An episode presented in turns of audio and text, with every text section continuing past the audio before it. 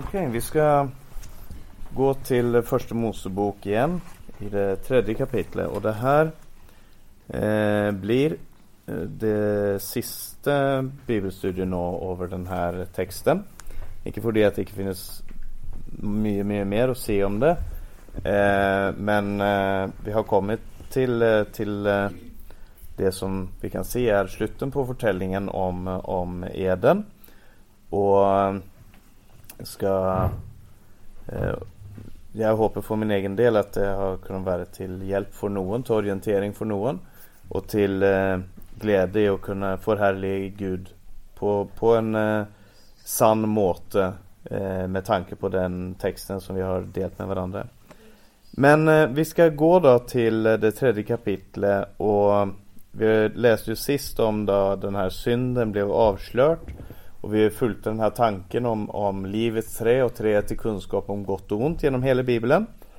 Och nu ska vi läsa från det 14 verset om den eh, förbannelsen som eh, rammet slangen, mannen och kvinnan och det löfte som Gud ger här i texten. Och där står det från det 14 verset. Då sa Gud Herren till slangen Fordi du gjorde detta skall du vara förbannet framför allt fe och framför alla vilda dyr. På buken ska du krypa och stöv ska du äta alla ditt livs dagar. Och jag vill sätta fiendskap mellan dig och kvinnan, mellan din ett och hennes ett. Han ska knusa ditt hode och du ska knusa hans häl.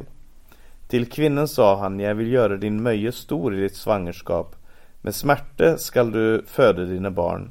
Till din man skall din nattråd stå och han ska råda över dig. Och till Adam sa han, Fordi du löd din hustru och åt av tre som jag förbjöd dig att äta av, skall jorden vara förbannet för din skyld. Med möje skall du nära dig av den alla dina levedagar. Torner och tister skall den bära för dig, och du skall äta av markens växter. I ditt ansikts sved skall du äta ditt bröd, intill du vänder tillbaka till jorden, för av den är du tatt, stöv är du, och till stöv skall du vända tillbaka. Adam kalte sin hustru Eva fordi hon är mor till alla som lever. Och Gud Herren gjorde kläder av skinn till Adam och hans hustru och klädde dem. Och Gud Herren sa, se, människa har blivit som en av oss, till att känna gott och ont. Bara han nog icke sträcker ut sin hand och tar oss av livets trä och äter och lever evig. Så viste Gud Herren han ut av Edens sag och satte han till att dyrka jorden som han var tatt av. Han drev människa ut och öst för Edens hage satte han keruberna och det luende svärd som svinkte hit och dit för att vakta vägen till livets trä. Först så handlar den här texten om eh, en eh, förbannelse som sker fordi att man har vänt Gud ryggen, fordi man har syndet eller fordi man har näktet att göra det som Gud sa. Eh, och det är först så blir den här slangen som får förte människorna. Eh, Vi följde ju hans historia också genom bibeln och så hur bibeln presenterar han som Satan som förföraren, fristaren eh, Våra bröders anklager Den store dragen och så vidare. Eh, Och det som står här är att slangen blir eh, förbannet framför allt fe och framför alla vilda dyr Villedyr, på buken ska du krypa och stöv ska du äta alla ditt livs dagar. Och eh, det här med att, att bli förbannet till marken eller att bli bundet till marken.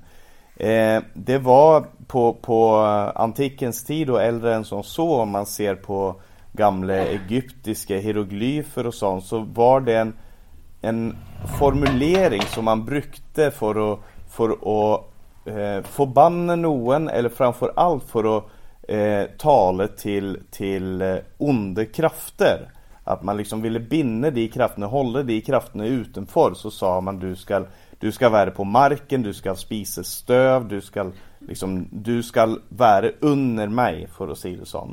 Och vi, vi såg ju på, på slangen att eh, antagligen så handlar detta om en himmelsk kerub, alltså en som hade avgång till och som eh, var i Guds, icke bara i Guds hage men som också var i Guds råd, som var i himmelen, i den omliga världen och som hade det som sitt, sitt sted Men nu blir han alltså förbannet till jorden och bundet till jorden. Och det kan du se genom Bibeln att Bibeln talar om djävulen som denne jordens härsker. Att han alltså är bunden till jorden. Så vitt jag kan förstå ut från Bibeln så är icke djävulen i helvete. Eh, han har heller icke ubegränsat i vart fall avgång till himmelen, till Guds världen. Eh, det är bara när en anklage finnes och anföre, som vi sa då. Och det, den anklagen, den är borta i Jesus Kristus. Eh, men han är bunden till jorden och hans tid är kort och han mörkrets välde råder eh, här till viss del. Eh, men kvinnan står det här, eh, då Gud talar till kvinnan så säger han Jag vill göra din möje stor i ditt eh, eh, svangerskap. Och det här ordet möje, det kommer tillbaka också då Gud talar till mannen. Han säger att du ska, du ska ha möje. Med möje ska du nära dig av jorden alla dina levedagar. Eh, och det här ordet möje, det är i Bibeln ofta eh, översatt med angst eller uro. Det handlar alltså inte om smärta. Någon har tolkat detta som att det här är förbannelsen där vår, eh, alltså att, att kvinnor ska ha smärta när de föder barn. Eh, och att det skulle vara då en Guds förbannelse. Det är inte vad texten säger. Texten säger att det ska vara en uro, en möje eller en angst över det och bära fram barn.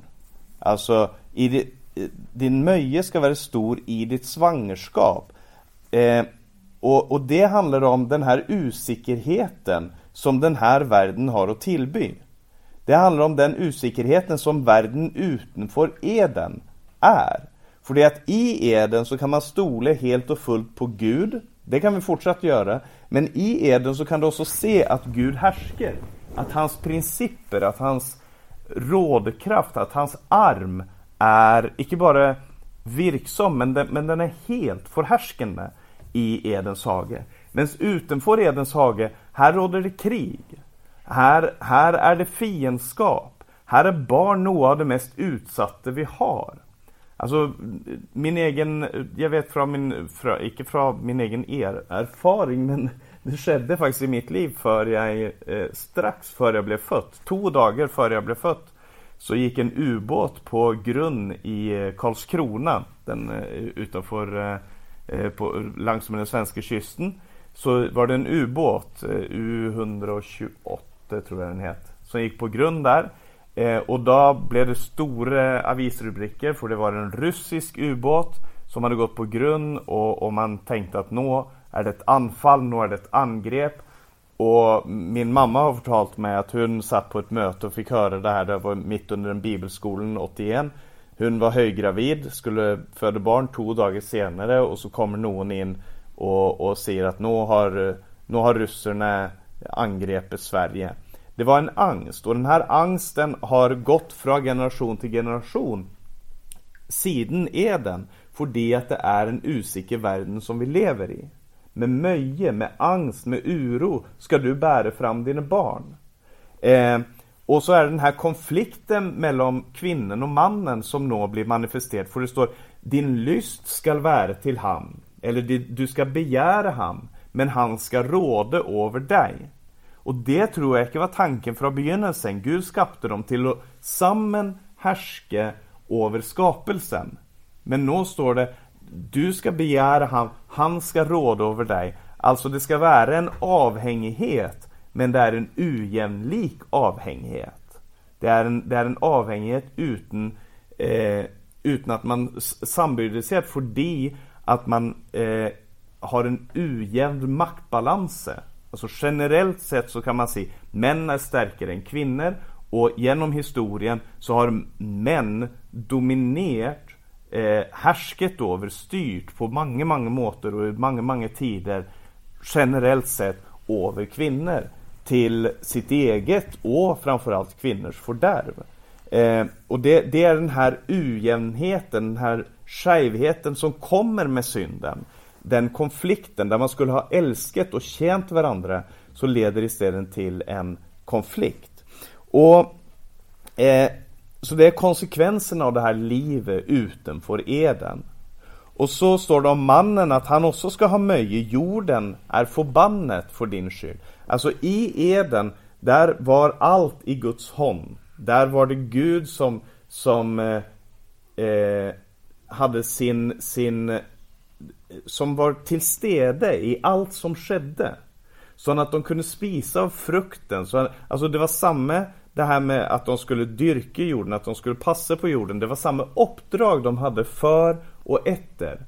Men för fallet så skedde det här på en naturlig måte, i en vila. På den sjunde dagen så vilte Gud för allt han hade gjort, för det var fullbyrdet. Men för, om du vill se det, den första dagen efter fallet så må Adam ut och slite. Han må ut och svette. Han må ut och arbeta. För det att jorden ger han icke det eh, han önskar. Han må kämpa för det. Han må strida för det eh, i, eh, var eneste dag. Det är en kamp var eneste dag. Och det var inte vad Gud hade tänkt.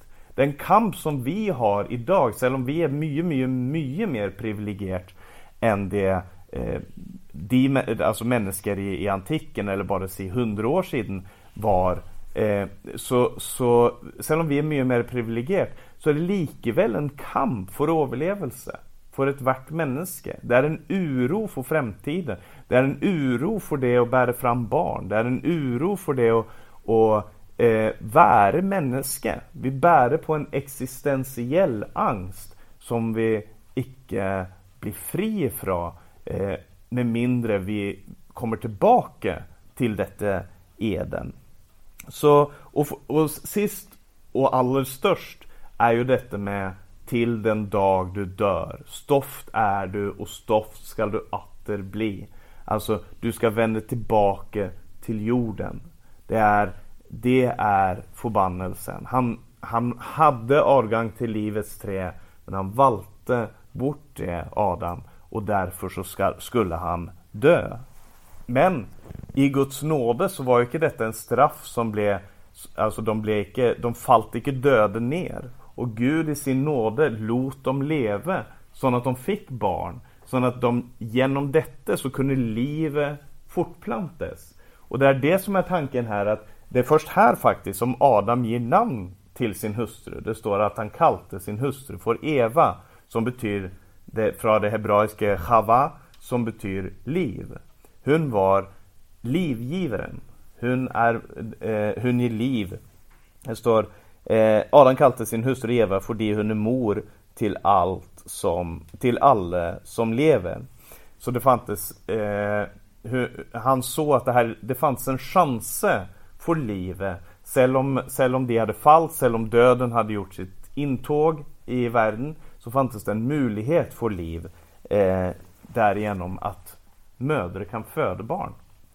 Eh, men det som är det största i den här berättelsen det är ju berättelsen om denne säden. Det som står här, jag vill sätta fiendskap mellan dig och kvinnan, mellan din ett och hennes ett. Han ska knusa ditt hode och du ska knusa hans häl. Så det finns en kvinnens ett som ska gå till kamp emot slangen på en sån måte att han knuser slangens hode mens slangen cell knuser hans häl. Och vi vet vad som sker när en slange biter tak. Man dör. Så slangen ska dö i det kvinnens ett också dör. Och vi som har hela Bibeln som facit och vi som har läst och känner till den här texten, för oss så är det sällsagt, det här pekar fram emot Jesus Kristus. Men tänk dig att du läser den här Bibeln på si hundratalet för Kristus och, och läser den här texten och tänker, vem är det här? Vem är det? Är det någon vi ska se fram emot? Är det någon vi ska se tillbaka till? Det är lite grann som, som Hoffmannen som, som läser Jesaja-rullen och så spör han, vem är det profeten talar om? Talar han om sig själv eller talar han om en annan? När han läser om den här Guds tjäner som ska ge sitt liv. Och det är det som är det stora spörsmålet när vi fortsätter att läsa Bibeln, framförallt de fem Moseböckerna. Eh, och det är en förväntning som finns här. Eh, och så sker det då att de bosätter sig öst för Eden. Och det är icke tillfälligt att det står att det var öst för Eden. Det står här om att Gud satte keruber och det luende svärdet, flammande svärdet vid ingången till Eden. Och jag har talat om det tidigare att Eden var som ett Herrens tempel. Det finns mycket tempelsymbolik i Eden. Icke minst här, alltså om du har Eden med livets trä i mitten, vår Gud manifesterar sig. Och så har du hagen, och så har du en ingång till öster. Och där vid öst så har du två keruber och ett luvande svärd som hindrar människor från att komma in. Så kan du se att i tabernaklet så har du det allra heligste och det helige, det allra heligste där vår Gud var. Eh, I tabernaklet och i templet. Och så har du det, det helige, eh, där vår lysestaken var och de andra tingen. Och mellan det helige och det allra heligste så hade du detta förhänge som hindret, alltså rent fysiskt hindrar någon från att gå in till där vår Gud var. Och på det förhänget så hade man alltså vävt in keruber. Det är, det är samma eh, mönster, det är samma händelse, eller det är samma symbolik som sker här. Det är keruberna som ser till att du icke kommer till Gud, för då vill du dö. Keruberna är inte bara där för att, de är inte där för att passa på Gud, de är där för att se till att du icke kommer för nära. Så du kan se att i Bibeln så det, står det om keruber omtrent hundra gånger. Eh, serafer står det också om någon få gånger.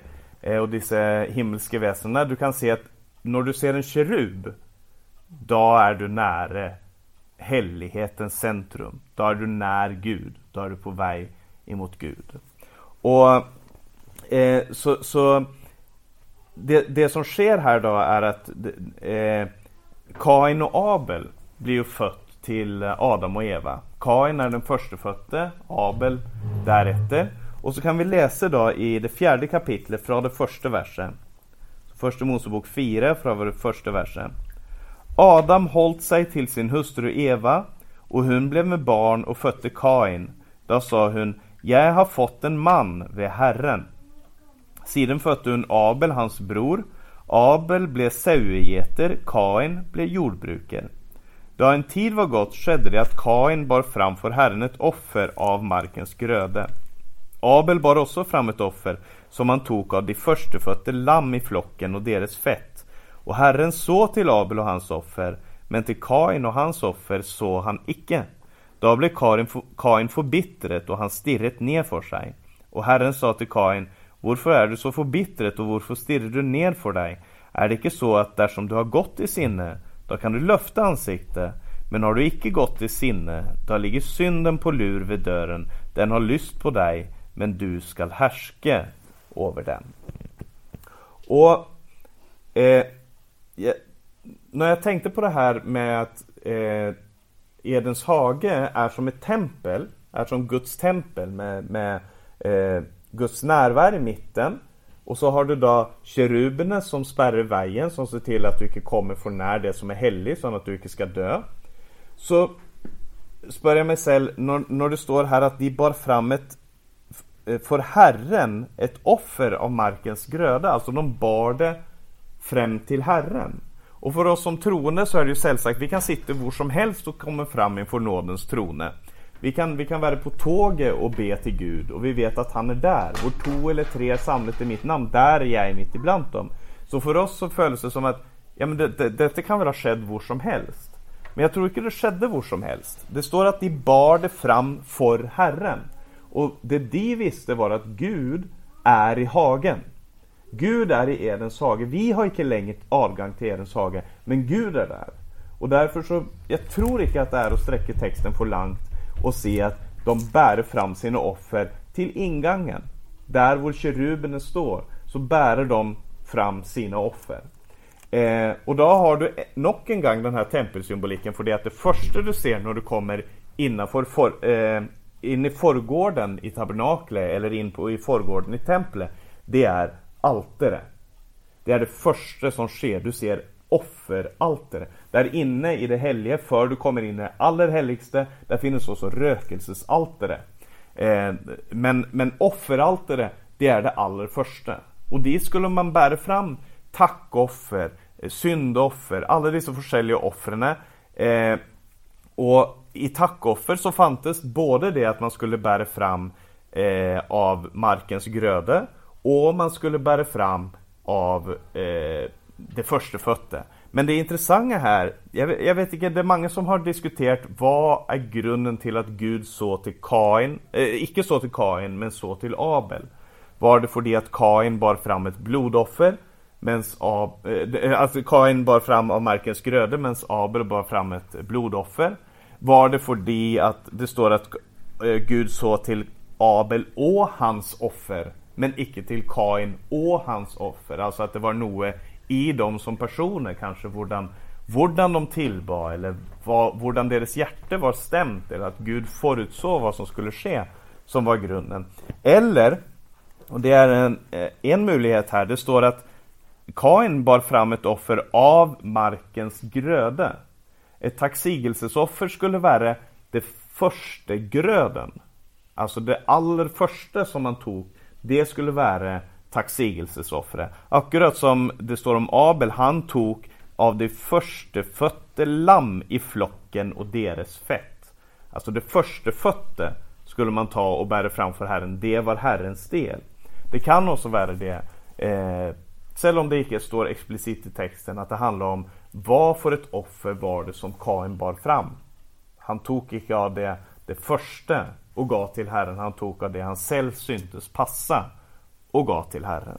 Men oavsett hur det är med den saken så, så vet vi att Gud så till Abel och hans offer, men till Kain och hans offer så han icke. Och vad sker med ett människa när, när, när man får uppleva det här? Jo, för Kain så skedde det att hans blick, istället för att han kunde se frimodig upp, att han kunde tala till Gud, så när han såg på en eller annan måte att Gud icke såg till hans offer, så blev hans blick ner emot jorden. Och han såg ner, och jag tror att det är ganska vanligt att när man blir, när man blir förbittrad, när man blir sint, när man blir vred, så vändes blicken nedöver. Och Gud talar till han och, och där så tydlig det här. Herren sa till Kain, varför är du så förbittrad och varför stirrar du ner för dig?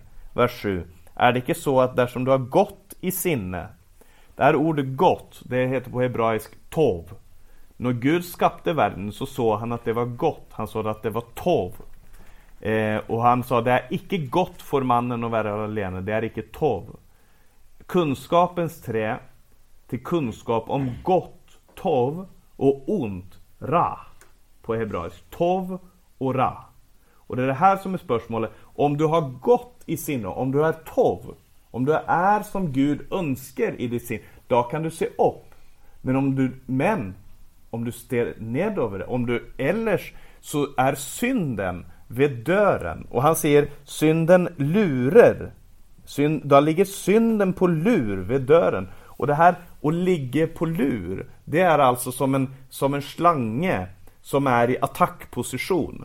Du kan tänka dig att du, du, är, du lever ute i bussen ett eller annat sted, icke så civiliserat som vi gör, i Mittöstern och så går du ut genom din dörr och där är det med en gång ett vilddyr som ligger på lur som vet här kommer det ett bytte och så fort du kommer ut utanför din dörr så är han där på lur, han har krypit samman och han attackerar.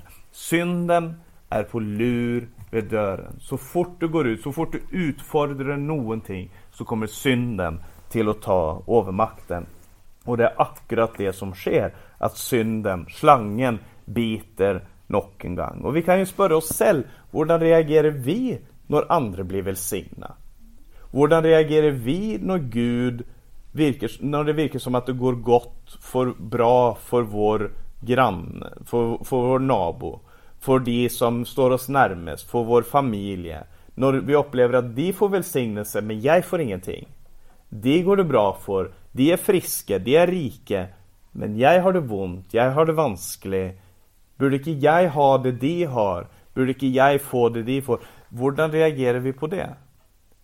Och jag tror att vi kan se att det är den samme slangens gift, eller den samme eh, luring vid dörren. Det är någon som, som, som ligger på lur vid dörren i en sån situation. För det att det är möjligheten för att göra det som är gott Men det är alltså som virkelig også muligheten for å gjøre det omvendte. For å hevnes det vi synes er uforrett. For å gå til angrep mot noen for det vi syns at Gud har gjort feil mot oss. Vi er blitt feilet, og nå skal vi hevne oss på det. Eh, og det stora spörsmålet här är ju vi, vi, kan läsa från vers 8, så vi, så vi får det här med oss. Kain talte till Abel, sin bror. Och då de en gång var ute på marken, for Kain lös på sin bror Abel och slog ham ihjäl Då sa Herren till Kain, vore Abel, din bror? Han svarte, jag vet inte, är jag min brors vokter? Men han sa, vad har du gjort? Rösten av din brors blod roper till mig fra jorden. Nå ska du vara bannlyst från den jord som öppnat sin mun och tog emot din brors blod från din hand. När du dyrker jorden, eh, skall den icke mer ge dig sin gröde. En flyktning och en vandrare skall du vara på jorden. Ja, vi kan stoppa där. Det är en förfärdlig, förfärdlig situation. Och det handlar om familjerelationen. Det handlar om sösken. Det handlar om bröder Kain och Abel. Det första broderparet och det första brodermordet. Den rättfärdiga Abel, han dör. Och den urättfärdige Kain, han blir en främmed, en flyktning. En, eh, en vandrare på jorden. Och det är det här som är det stora spörsmålet. Är jag min brors vokter? Det är verkligen det stora spörsmålet. Ska jag ta vare på och passa på min bror? Vad har jag för grund till det? Och om det nu är så att jag är min brors vokter, vem är min bror? Det kan väl inte vara nabon? Det kan väl inte vara han som, han som är så ond emot mig, Han som är så Det kan väl inte vara den där göden på vägen mellan Jeriko och Jerusalem. Det kan väl ikke vara han som är min näste. Det kan väl ikke vara Samarien som är min nästa och så vidare. Det är lite som i den här sangen av Keith Green, 'The Sheep and the Goat', Där han, han eh, säger som eh, When were you a stranger, we didn't invite you in. You weren't one of these, those creepy people that used to come to the door, were you, Lord? Lord, that wasn't our ministry, Lord. We just didn't feel led, you know, Lord. Det, det, det där, det, det, var Du vet, Gud, det där var inte vår tjänste. Att ta hand vi, vi, har, vi har en fantastisk tjänste för Gud, men, men att ta hand om vår näste, det är inte vår tjänste, Det får någon andra ta sig av. Det stora spörsmålet är, är jag min brors vokter? Vad har jag för ansvar för min bror? Och eh, så, så Kain, fem ledd senare, så finner du Lemek. Och Lemek är han som dräper en ung man får vart eneste sår han får. Det är hävnens system. Det är Kains märke på människor. Kain dräpte sin bror för det han syntes att hans bror fick något som han borde ha fått. Lemek han dräper en man för vart eneste sår han får. Och detta leder som, som ett tåg utan bremser, så leder det rätt emot eh, Noas flod. Det leder rätt emot Guds dom över världen. Men om vi följer den här tanken genom Bibeln eh, och genom Första Mosebok, så en av de sist, den sista ka stora karaktären i Första Mosebok, i Genesis, det är Josef. Och Josef, eh, vi kan gå till kapitel 37. första Mosebok, kapitel 37. Så är ju då Josef, han var Jakobs son. Eh, Jakob kom ju också från en väldigt vansklig familjerelation där han hade problem med sin egen bror Esau. Eh, de var väldigt forskjellige. Och det, Jakob hade lurt Esau, Jakob hade flyktet från Esau, Esau Det var mycket fram och tillbaka i den familjerelationen där Men så står det sån i, det, i kapitel 37 Och vers 3. Israel, det är ett annat namn på Jakob, Hade Josef kär framför alla sina söner Vet han hade Allt i allt hade han tolv söner, men han älsket Josef framför han För det han var hans alderdoms son. Han hade latt göra en sid kjortel till han. Men då hans brödre så att faren hållt mer av ham än av bröderna, lade han för hat och kunde icke tala vänligt till ham. Det var Josefs situation. Och det är intressant för det att Jakob hade själv vuxit upp i en familj där hans far älskat hans bror mer än han. Jakob älskat Esau och, och eh, Rakel älskat eh, Jakob. Nej, vad säger, vad säger nu? Isak älskat Esau, alltså faren till Jakob, älskat Esau, medan moren till Jakob älskat Jakob. Och så det är, det är den här favoritiseringen som nok en gang virker som att den är väldigt problematisk för dessa syskonen. Varför älskar faren han? Varför får inte jag det jag syns att jag har krav på? Varför är det på den måten? Sån var det i Jakob och Esaus situation. Sån var det för deras söner, för Jakobs tolv söner. Eh, så var det akkurat samma situation. De kunde inte tala vänligt till Josef. Eh, och det här går ju så långt att Josef, där han, eh, där han i vers 18 så står det att eh, Josef var på väg för att besöka sina bröder som var ute och tog honom budskapen. Och så står det att då de, alltså hans brödre, så han långt borte och för han var kommit fram till dem råslog de om att dräpa ham. De sa till varandra, se där kommer denne drömmemästaren, kom la oss slå ham ihjäl och kasta ham ner i, brunn, i en av brunnarna här. Vi säger ett vilddyr har, har ett ham upp, så ska vi se vad det blir av drömmarna hans. Det var planen till hans egna brödre. Vi dräper han och så säger vi till pappa att ett vilddyr har tagit han. Nu vet vi att det var inte akkurat det som skedde för att de ombestämmer sig och de säljer Josef som slave till en grupp ismailiter som går förbi och han hamnar senare i Egypten. Egypt. Men det står i, eh, i vers eh, 21 Nej, ursäkta mig, i vers eh, 31 så står det Så tog de Josefs kjortel och de slaktet en geitebukk och dyppet kjorteln i blodet. Och de sände den side kjorteln hem till sin far och sa denna har vi funnit, se efter om det är din sons kjortel eller icke. Han kände den igen och sa, det är min sons kjortel. Ett vilddyr har ett ham upp. Josef är säkert revet ihjäl. Jakob själv hade lurt sin far med ett geiterskinn som han drog på sig för att lura sin far eh, för att få förstfödselsrätten från sin far. För Esau var den som skulle ha eh, rätten, som skulle ha välsignelsen. Men Jakob, han lurte den från sin far genom att klä sig själv i ett skinn så han blev mer lik på sin bror som var väldigt lodden. Och, eh, och nå är det hans söner som, som på samma måte, inte på samma måte men på liknande måte lurar sin, deras far med en klädning och säger Är detta din son? Och det som är mest sant i denna stunden där alla ljuger och alla missförstår Det är det Jakob säger Ett vilddyr har revet ham ihjäl För detta är vilddyrsånden.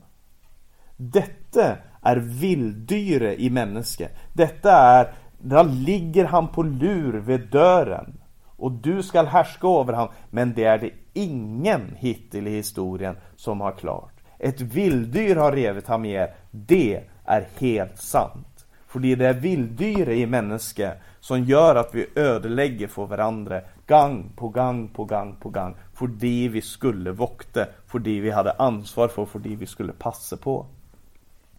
Eh, så Jakob blir bedratt här. Och, men Josef han kommer till Egypt. Och där i Egypt så börjar han att kämpa för, för sin... Eh, I var eneste situation han hamnar så prövar han att göra det allra bästa utav situationen. Han är slave hos Potifar, han blir eh, den mest betrodde i Potifars hus. Så hamnar han i fängsel eh, och han blir den mest betrodde där i fängslet. Eh, han gör det bästa utav slavsituationen, han gör det bästa utav fängsle och så blir han tatt upp som faraos närmaste man och han gör det allra bästa utav den situationen och så han räddar landet från en. Det här är ju en känd historia, jag ska inte gå igenom den. Men eh, så kommer ju dessa bröderna under den här sultekatastrofen som rammer hela detta område, också där vår Jakob och hans söner bodde. Så sänder de bud till Egypt, för det att där har man lagt undan mat. Där har man lagt undan korn och de sänder bud till Egypten eller bröderna kommer ner till Egypt för att köpa korn. Och där känner Josef igen dem, de känner inte igen han. Eh, men de, de kommer dit och ber om bröd och det här påvirkar sällsagt Josef på en väldigt djup och personlig måte. Det, det må man förstå att det här, det här tar på Josef. Och får se sina egna bröder som kommer dit och böjer knä för han och säger Kan vi få bröd? Har du bröd och ge oss? Det är eh, eh, Det är gripande och det står många gånger att Josef gråt. Han gråter i vart eneste kapitel från han möter sina bröder helt fram till slutet. Josef gråt, Josef gråt, Josef gråt. Varför det? För det att han har en inre kamp som handlar om, handlar om detta. Skall jag göra det som är ra eller tov? Ska jag göra ont eller ska jag göra gott? Ska jag hävna eller ska jag tillge? Ska jag, ska jag ta av frukten eller ska jag välja att göra något annat? Vad i denna situationen här, vad är det som är meningen? Hur ska jag få för han hade nog all makten. Han kunde ha tagit alla sina bröder, satt dem i fängsel, haft dem halshugg, vad som helst. Och han visar det flera gånger. Jag kan. Jag har, mul jag har makten till att göra vad jag vill med det. Jag har makten till det. Och han visar det flera gånger. Jag har makten. Jag kan, jag kan få hit, jag kan göra vad som helst med det. Men vad väljer han att göra? Det är spörsmålet. Är det ra eller är det tov? Är det ont eller gott? Och spörsmålet ligger, svaret ligger hos det som Josef får se, nämligen Guds hand i allt detta. För det att då, då Jakob till slut kommer ner till, till, Is, till Egypt och han får möta Josef där. Han får träda fram inför farao och välsigna farao. Den gamla, gamla Jakob. Och han, eh, han får välsigna sina barn och han får välsigna sina barnbarn. Där står det, och Josef, och vi kan, vi kan gå till eh, eh kapitel 47. Kapitel 47. Så står det där i eh, det 27 verset. Israels barn blev nå boende i Egypt, i landet Gosen. De fick sig egendom där och var fruktbara och blev meget tallrike. Det här är eko från Eden. Gud sa, förök dere och var fruktbara. Det var vad Gud hade kallat dem till att vara. Gosen, om du läser både Bibeln och historien, Gosen var ett fruktbart land. Det var ett, en, en del av Egypt som var speciellt fruktsam, som, som eh, som verkligen var en, en hage mitt i en örken. Egypten är ju till stora delar örken, men Gosen låg rätt vid Nilen och, och den, det var ett fruktbart sted. Så Josef, för det han väljer att icke hävna, men istället rädda sin familj, så blir han orsaken till ett nytt paradis. Ett nytt Eden. Och eh, men så är ju spörsmålet det här då. För det att eh, eh, Jakobs bröder, de turte ju inte att slå Josef ihjäl så länge deras far var i närheten. De, de sålde han som slave då de fann honom ute på fältet, långt, långt, långt, långt borta från faren och då, då de kunde lura faren. Och nu var ju spörsmålet det, för dem då, var det bara farens existens där i Egypt som gjorde att Josef valde och icke slå dem ihjäl. Alltså var Josef, hade Josef samma machiavellianske tankemått, hade han samma eh, planläggning av hävn som det de hade gjort emot han. Här kommer den drömmaren, alltså det var människor som hade gått runt och tänkt på hvordan ska vi få straffa? Hvordan ska vi få hävnet oss? Hvordan ska vi få fört fram Mörker, Virkelig mörkets krafter. Hvordan ska vi få mobiliserat dem? Men, och de tänkte, kanske Josef tänker på samma måte. Så då Jakob döde, 110 år gammal, så står det att de sände bud till ham, och det är i sista kapitlet i första Mosebok. Eh, och det är efter begravelsen. Och så står det från det femtonde versen. Då Josefs bröder såg att deras far var död, sa de, bara nu icke Josef lägger oss för hat och gengäller oss allt det onde vi har gjort mot ham. Så sände de bud till Josef och sa, för han döde så gav din far oss detta pålägg, så ska de si till Josef, Käre, tillgi dina bröder deras missgärning och deras synd, då de handlat så illa mot dig. Nå ber vi, tillgi oss vår missgärning, vi som också tjänar din fars Gud och Josef gråt då de talte slik till ham. Siden kom också hans bröder Sell och falt ner för ham, och de sa, Se, vi är dina tjänare. Då sa Josef till dem, vär icke rädde, är jag i Guds sted. Dere tänkte ont emot mig. dere tänkte ra. Men Gud tänkte det till det gode, till tov.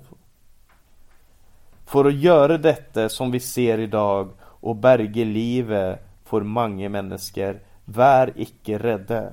Jeg vil sørge for dere og deres barn. Og han trøstet dem og talte vennlig til dem. Og jeg kan ikke se annet enn at dette er et mønster i Bibelen, hvordan Gud snur ondskapen til sin plan, til sitt gode. Och det är akkurat det vi ser i Jesus Kristus. De sammensvärget sig i denne byen, säger apostlarna då de ber sen, i apostlarnas gärningar.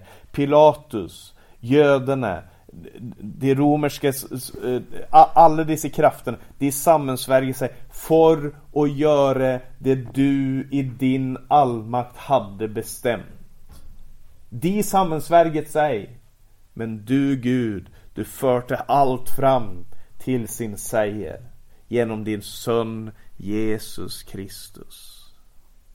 Dere tänkte ont, men Gud gjorde det till det goda. Det är sant i Jesus Kristus. Jesus är den verkliga Josef. Den som blev föraktet av sina bröder. Men istället för att utvinna hämnd över sina, de som hade gjort honom feil, så säger han, Far, tillge dem, för de vet icke vad de gör. Och Jakobs rop här, tillgi dina bröder, det är det är Guds och himmelens rop. Far, tillgi dem, För de vet icke vad de gör. Och det här är det vi är kallt in i, syskon. Vi är kallt in i ett Eden-liv, om du vill. Vi är kallt in till genom det offer som Jesus har gjort så revnet förhänge i, i, Eh, i, i templet.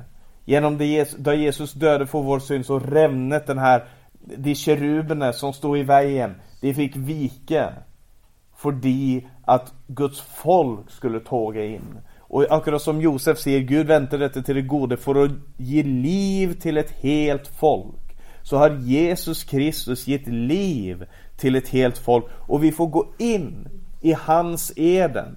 Vi får ta del av det som han har bestämt och tänkt om oss. Vi får ta del av allt det här i menigheten, i fällskapen med varandra och i evigheten.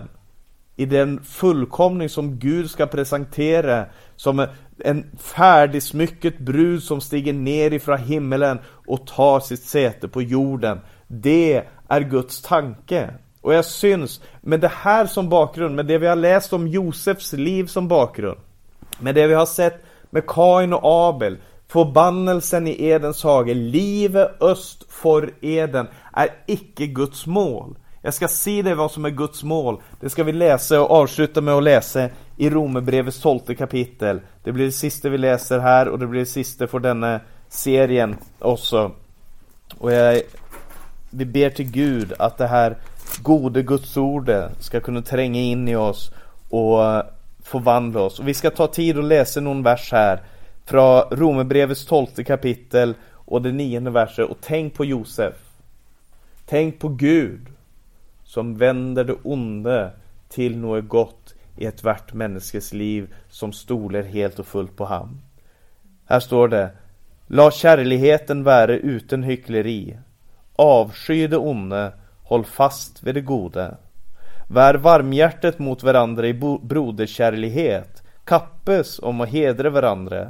Vär icke lunkne i ivren, vär brännande i onden, tjän Herren, vär glada i hoppet, tålmodiga i trängslen, vedhållande i bönnen. Kom de helge till hjälp i deras nöd, lägg vinn på gästfrihet. Välsign den som förföljer dere, välsign och förbann icke. Gläd er med de glada och gråt med de gråtande. Ha ett sinn inbyrdes, trakt icke efter det höje, men håll det gärna till det lave, vär icke sällkloke. gengäld icke någon ont med ont, lägg vinn på det som är gott, eh, lägg vinn på det som gott är för alla människor sägna. Om det är möjligt, då håll fred med alla människor så långt det står till dere. Händer icke säll, mina käre, men ge rum för vreden. För det så skrevet, Herren, hävnen hör mig till, jag vill gengälda, säger Herren. Om din fiende är sulten, så ge ham att äta. Om han är törst, så ge ham att dricka. För när du gör det samlar du glödande kull på hans hode.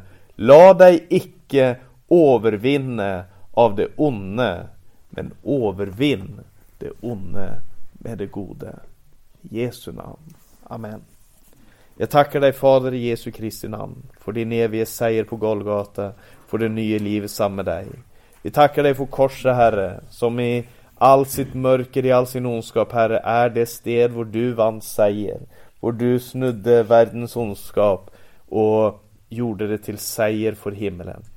Jag tackar dig Fader i Jesu Kristi namn för en eh, öppen himmel, för en öppen relation med dig, för att du är vägen in i vårt Eden. Du är, du är sannheten Herre, du är himmelens Amen. Du är livet som vi får ta del av, du är, vårt, du är livets trä för oss Herre.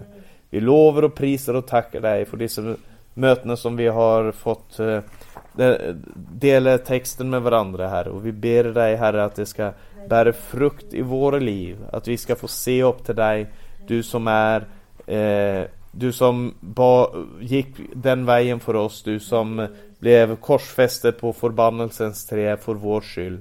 Vi tackar dig Herre för att du oss har öppnat vägen till paradis i Jesu Kristi Nazarens namn. Amen. Amen.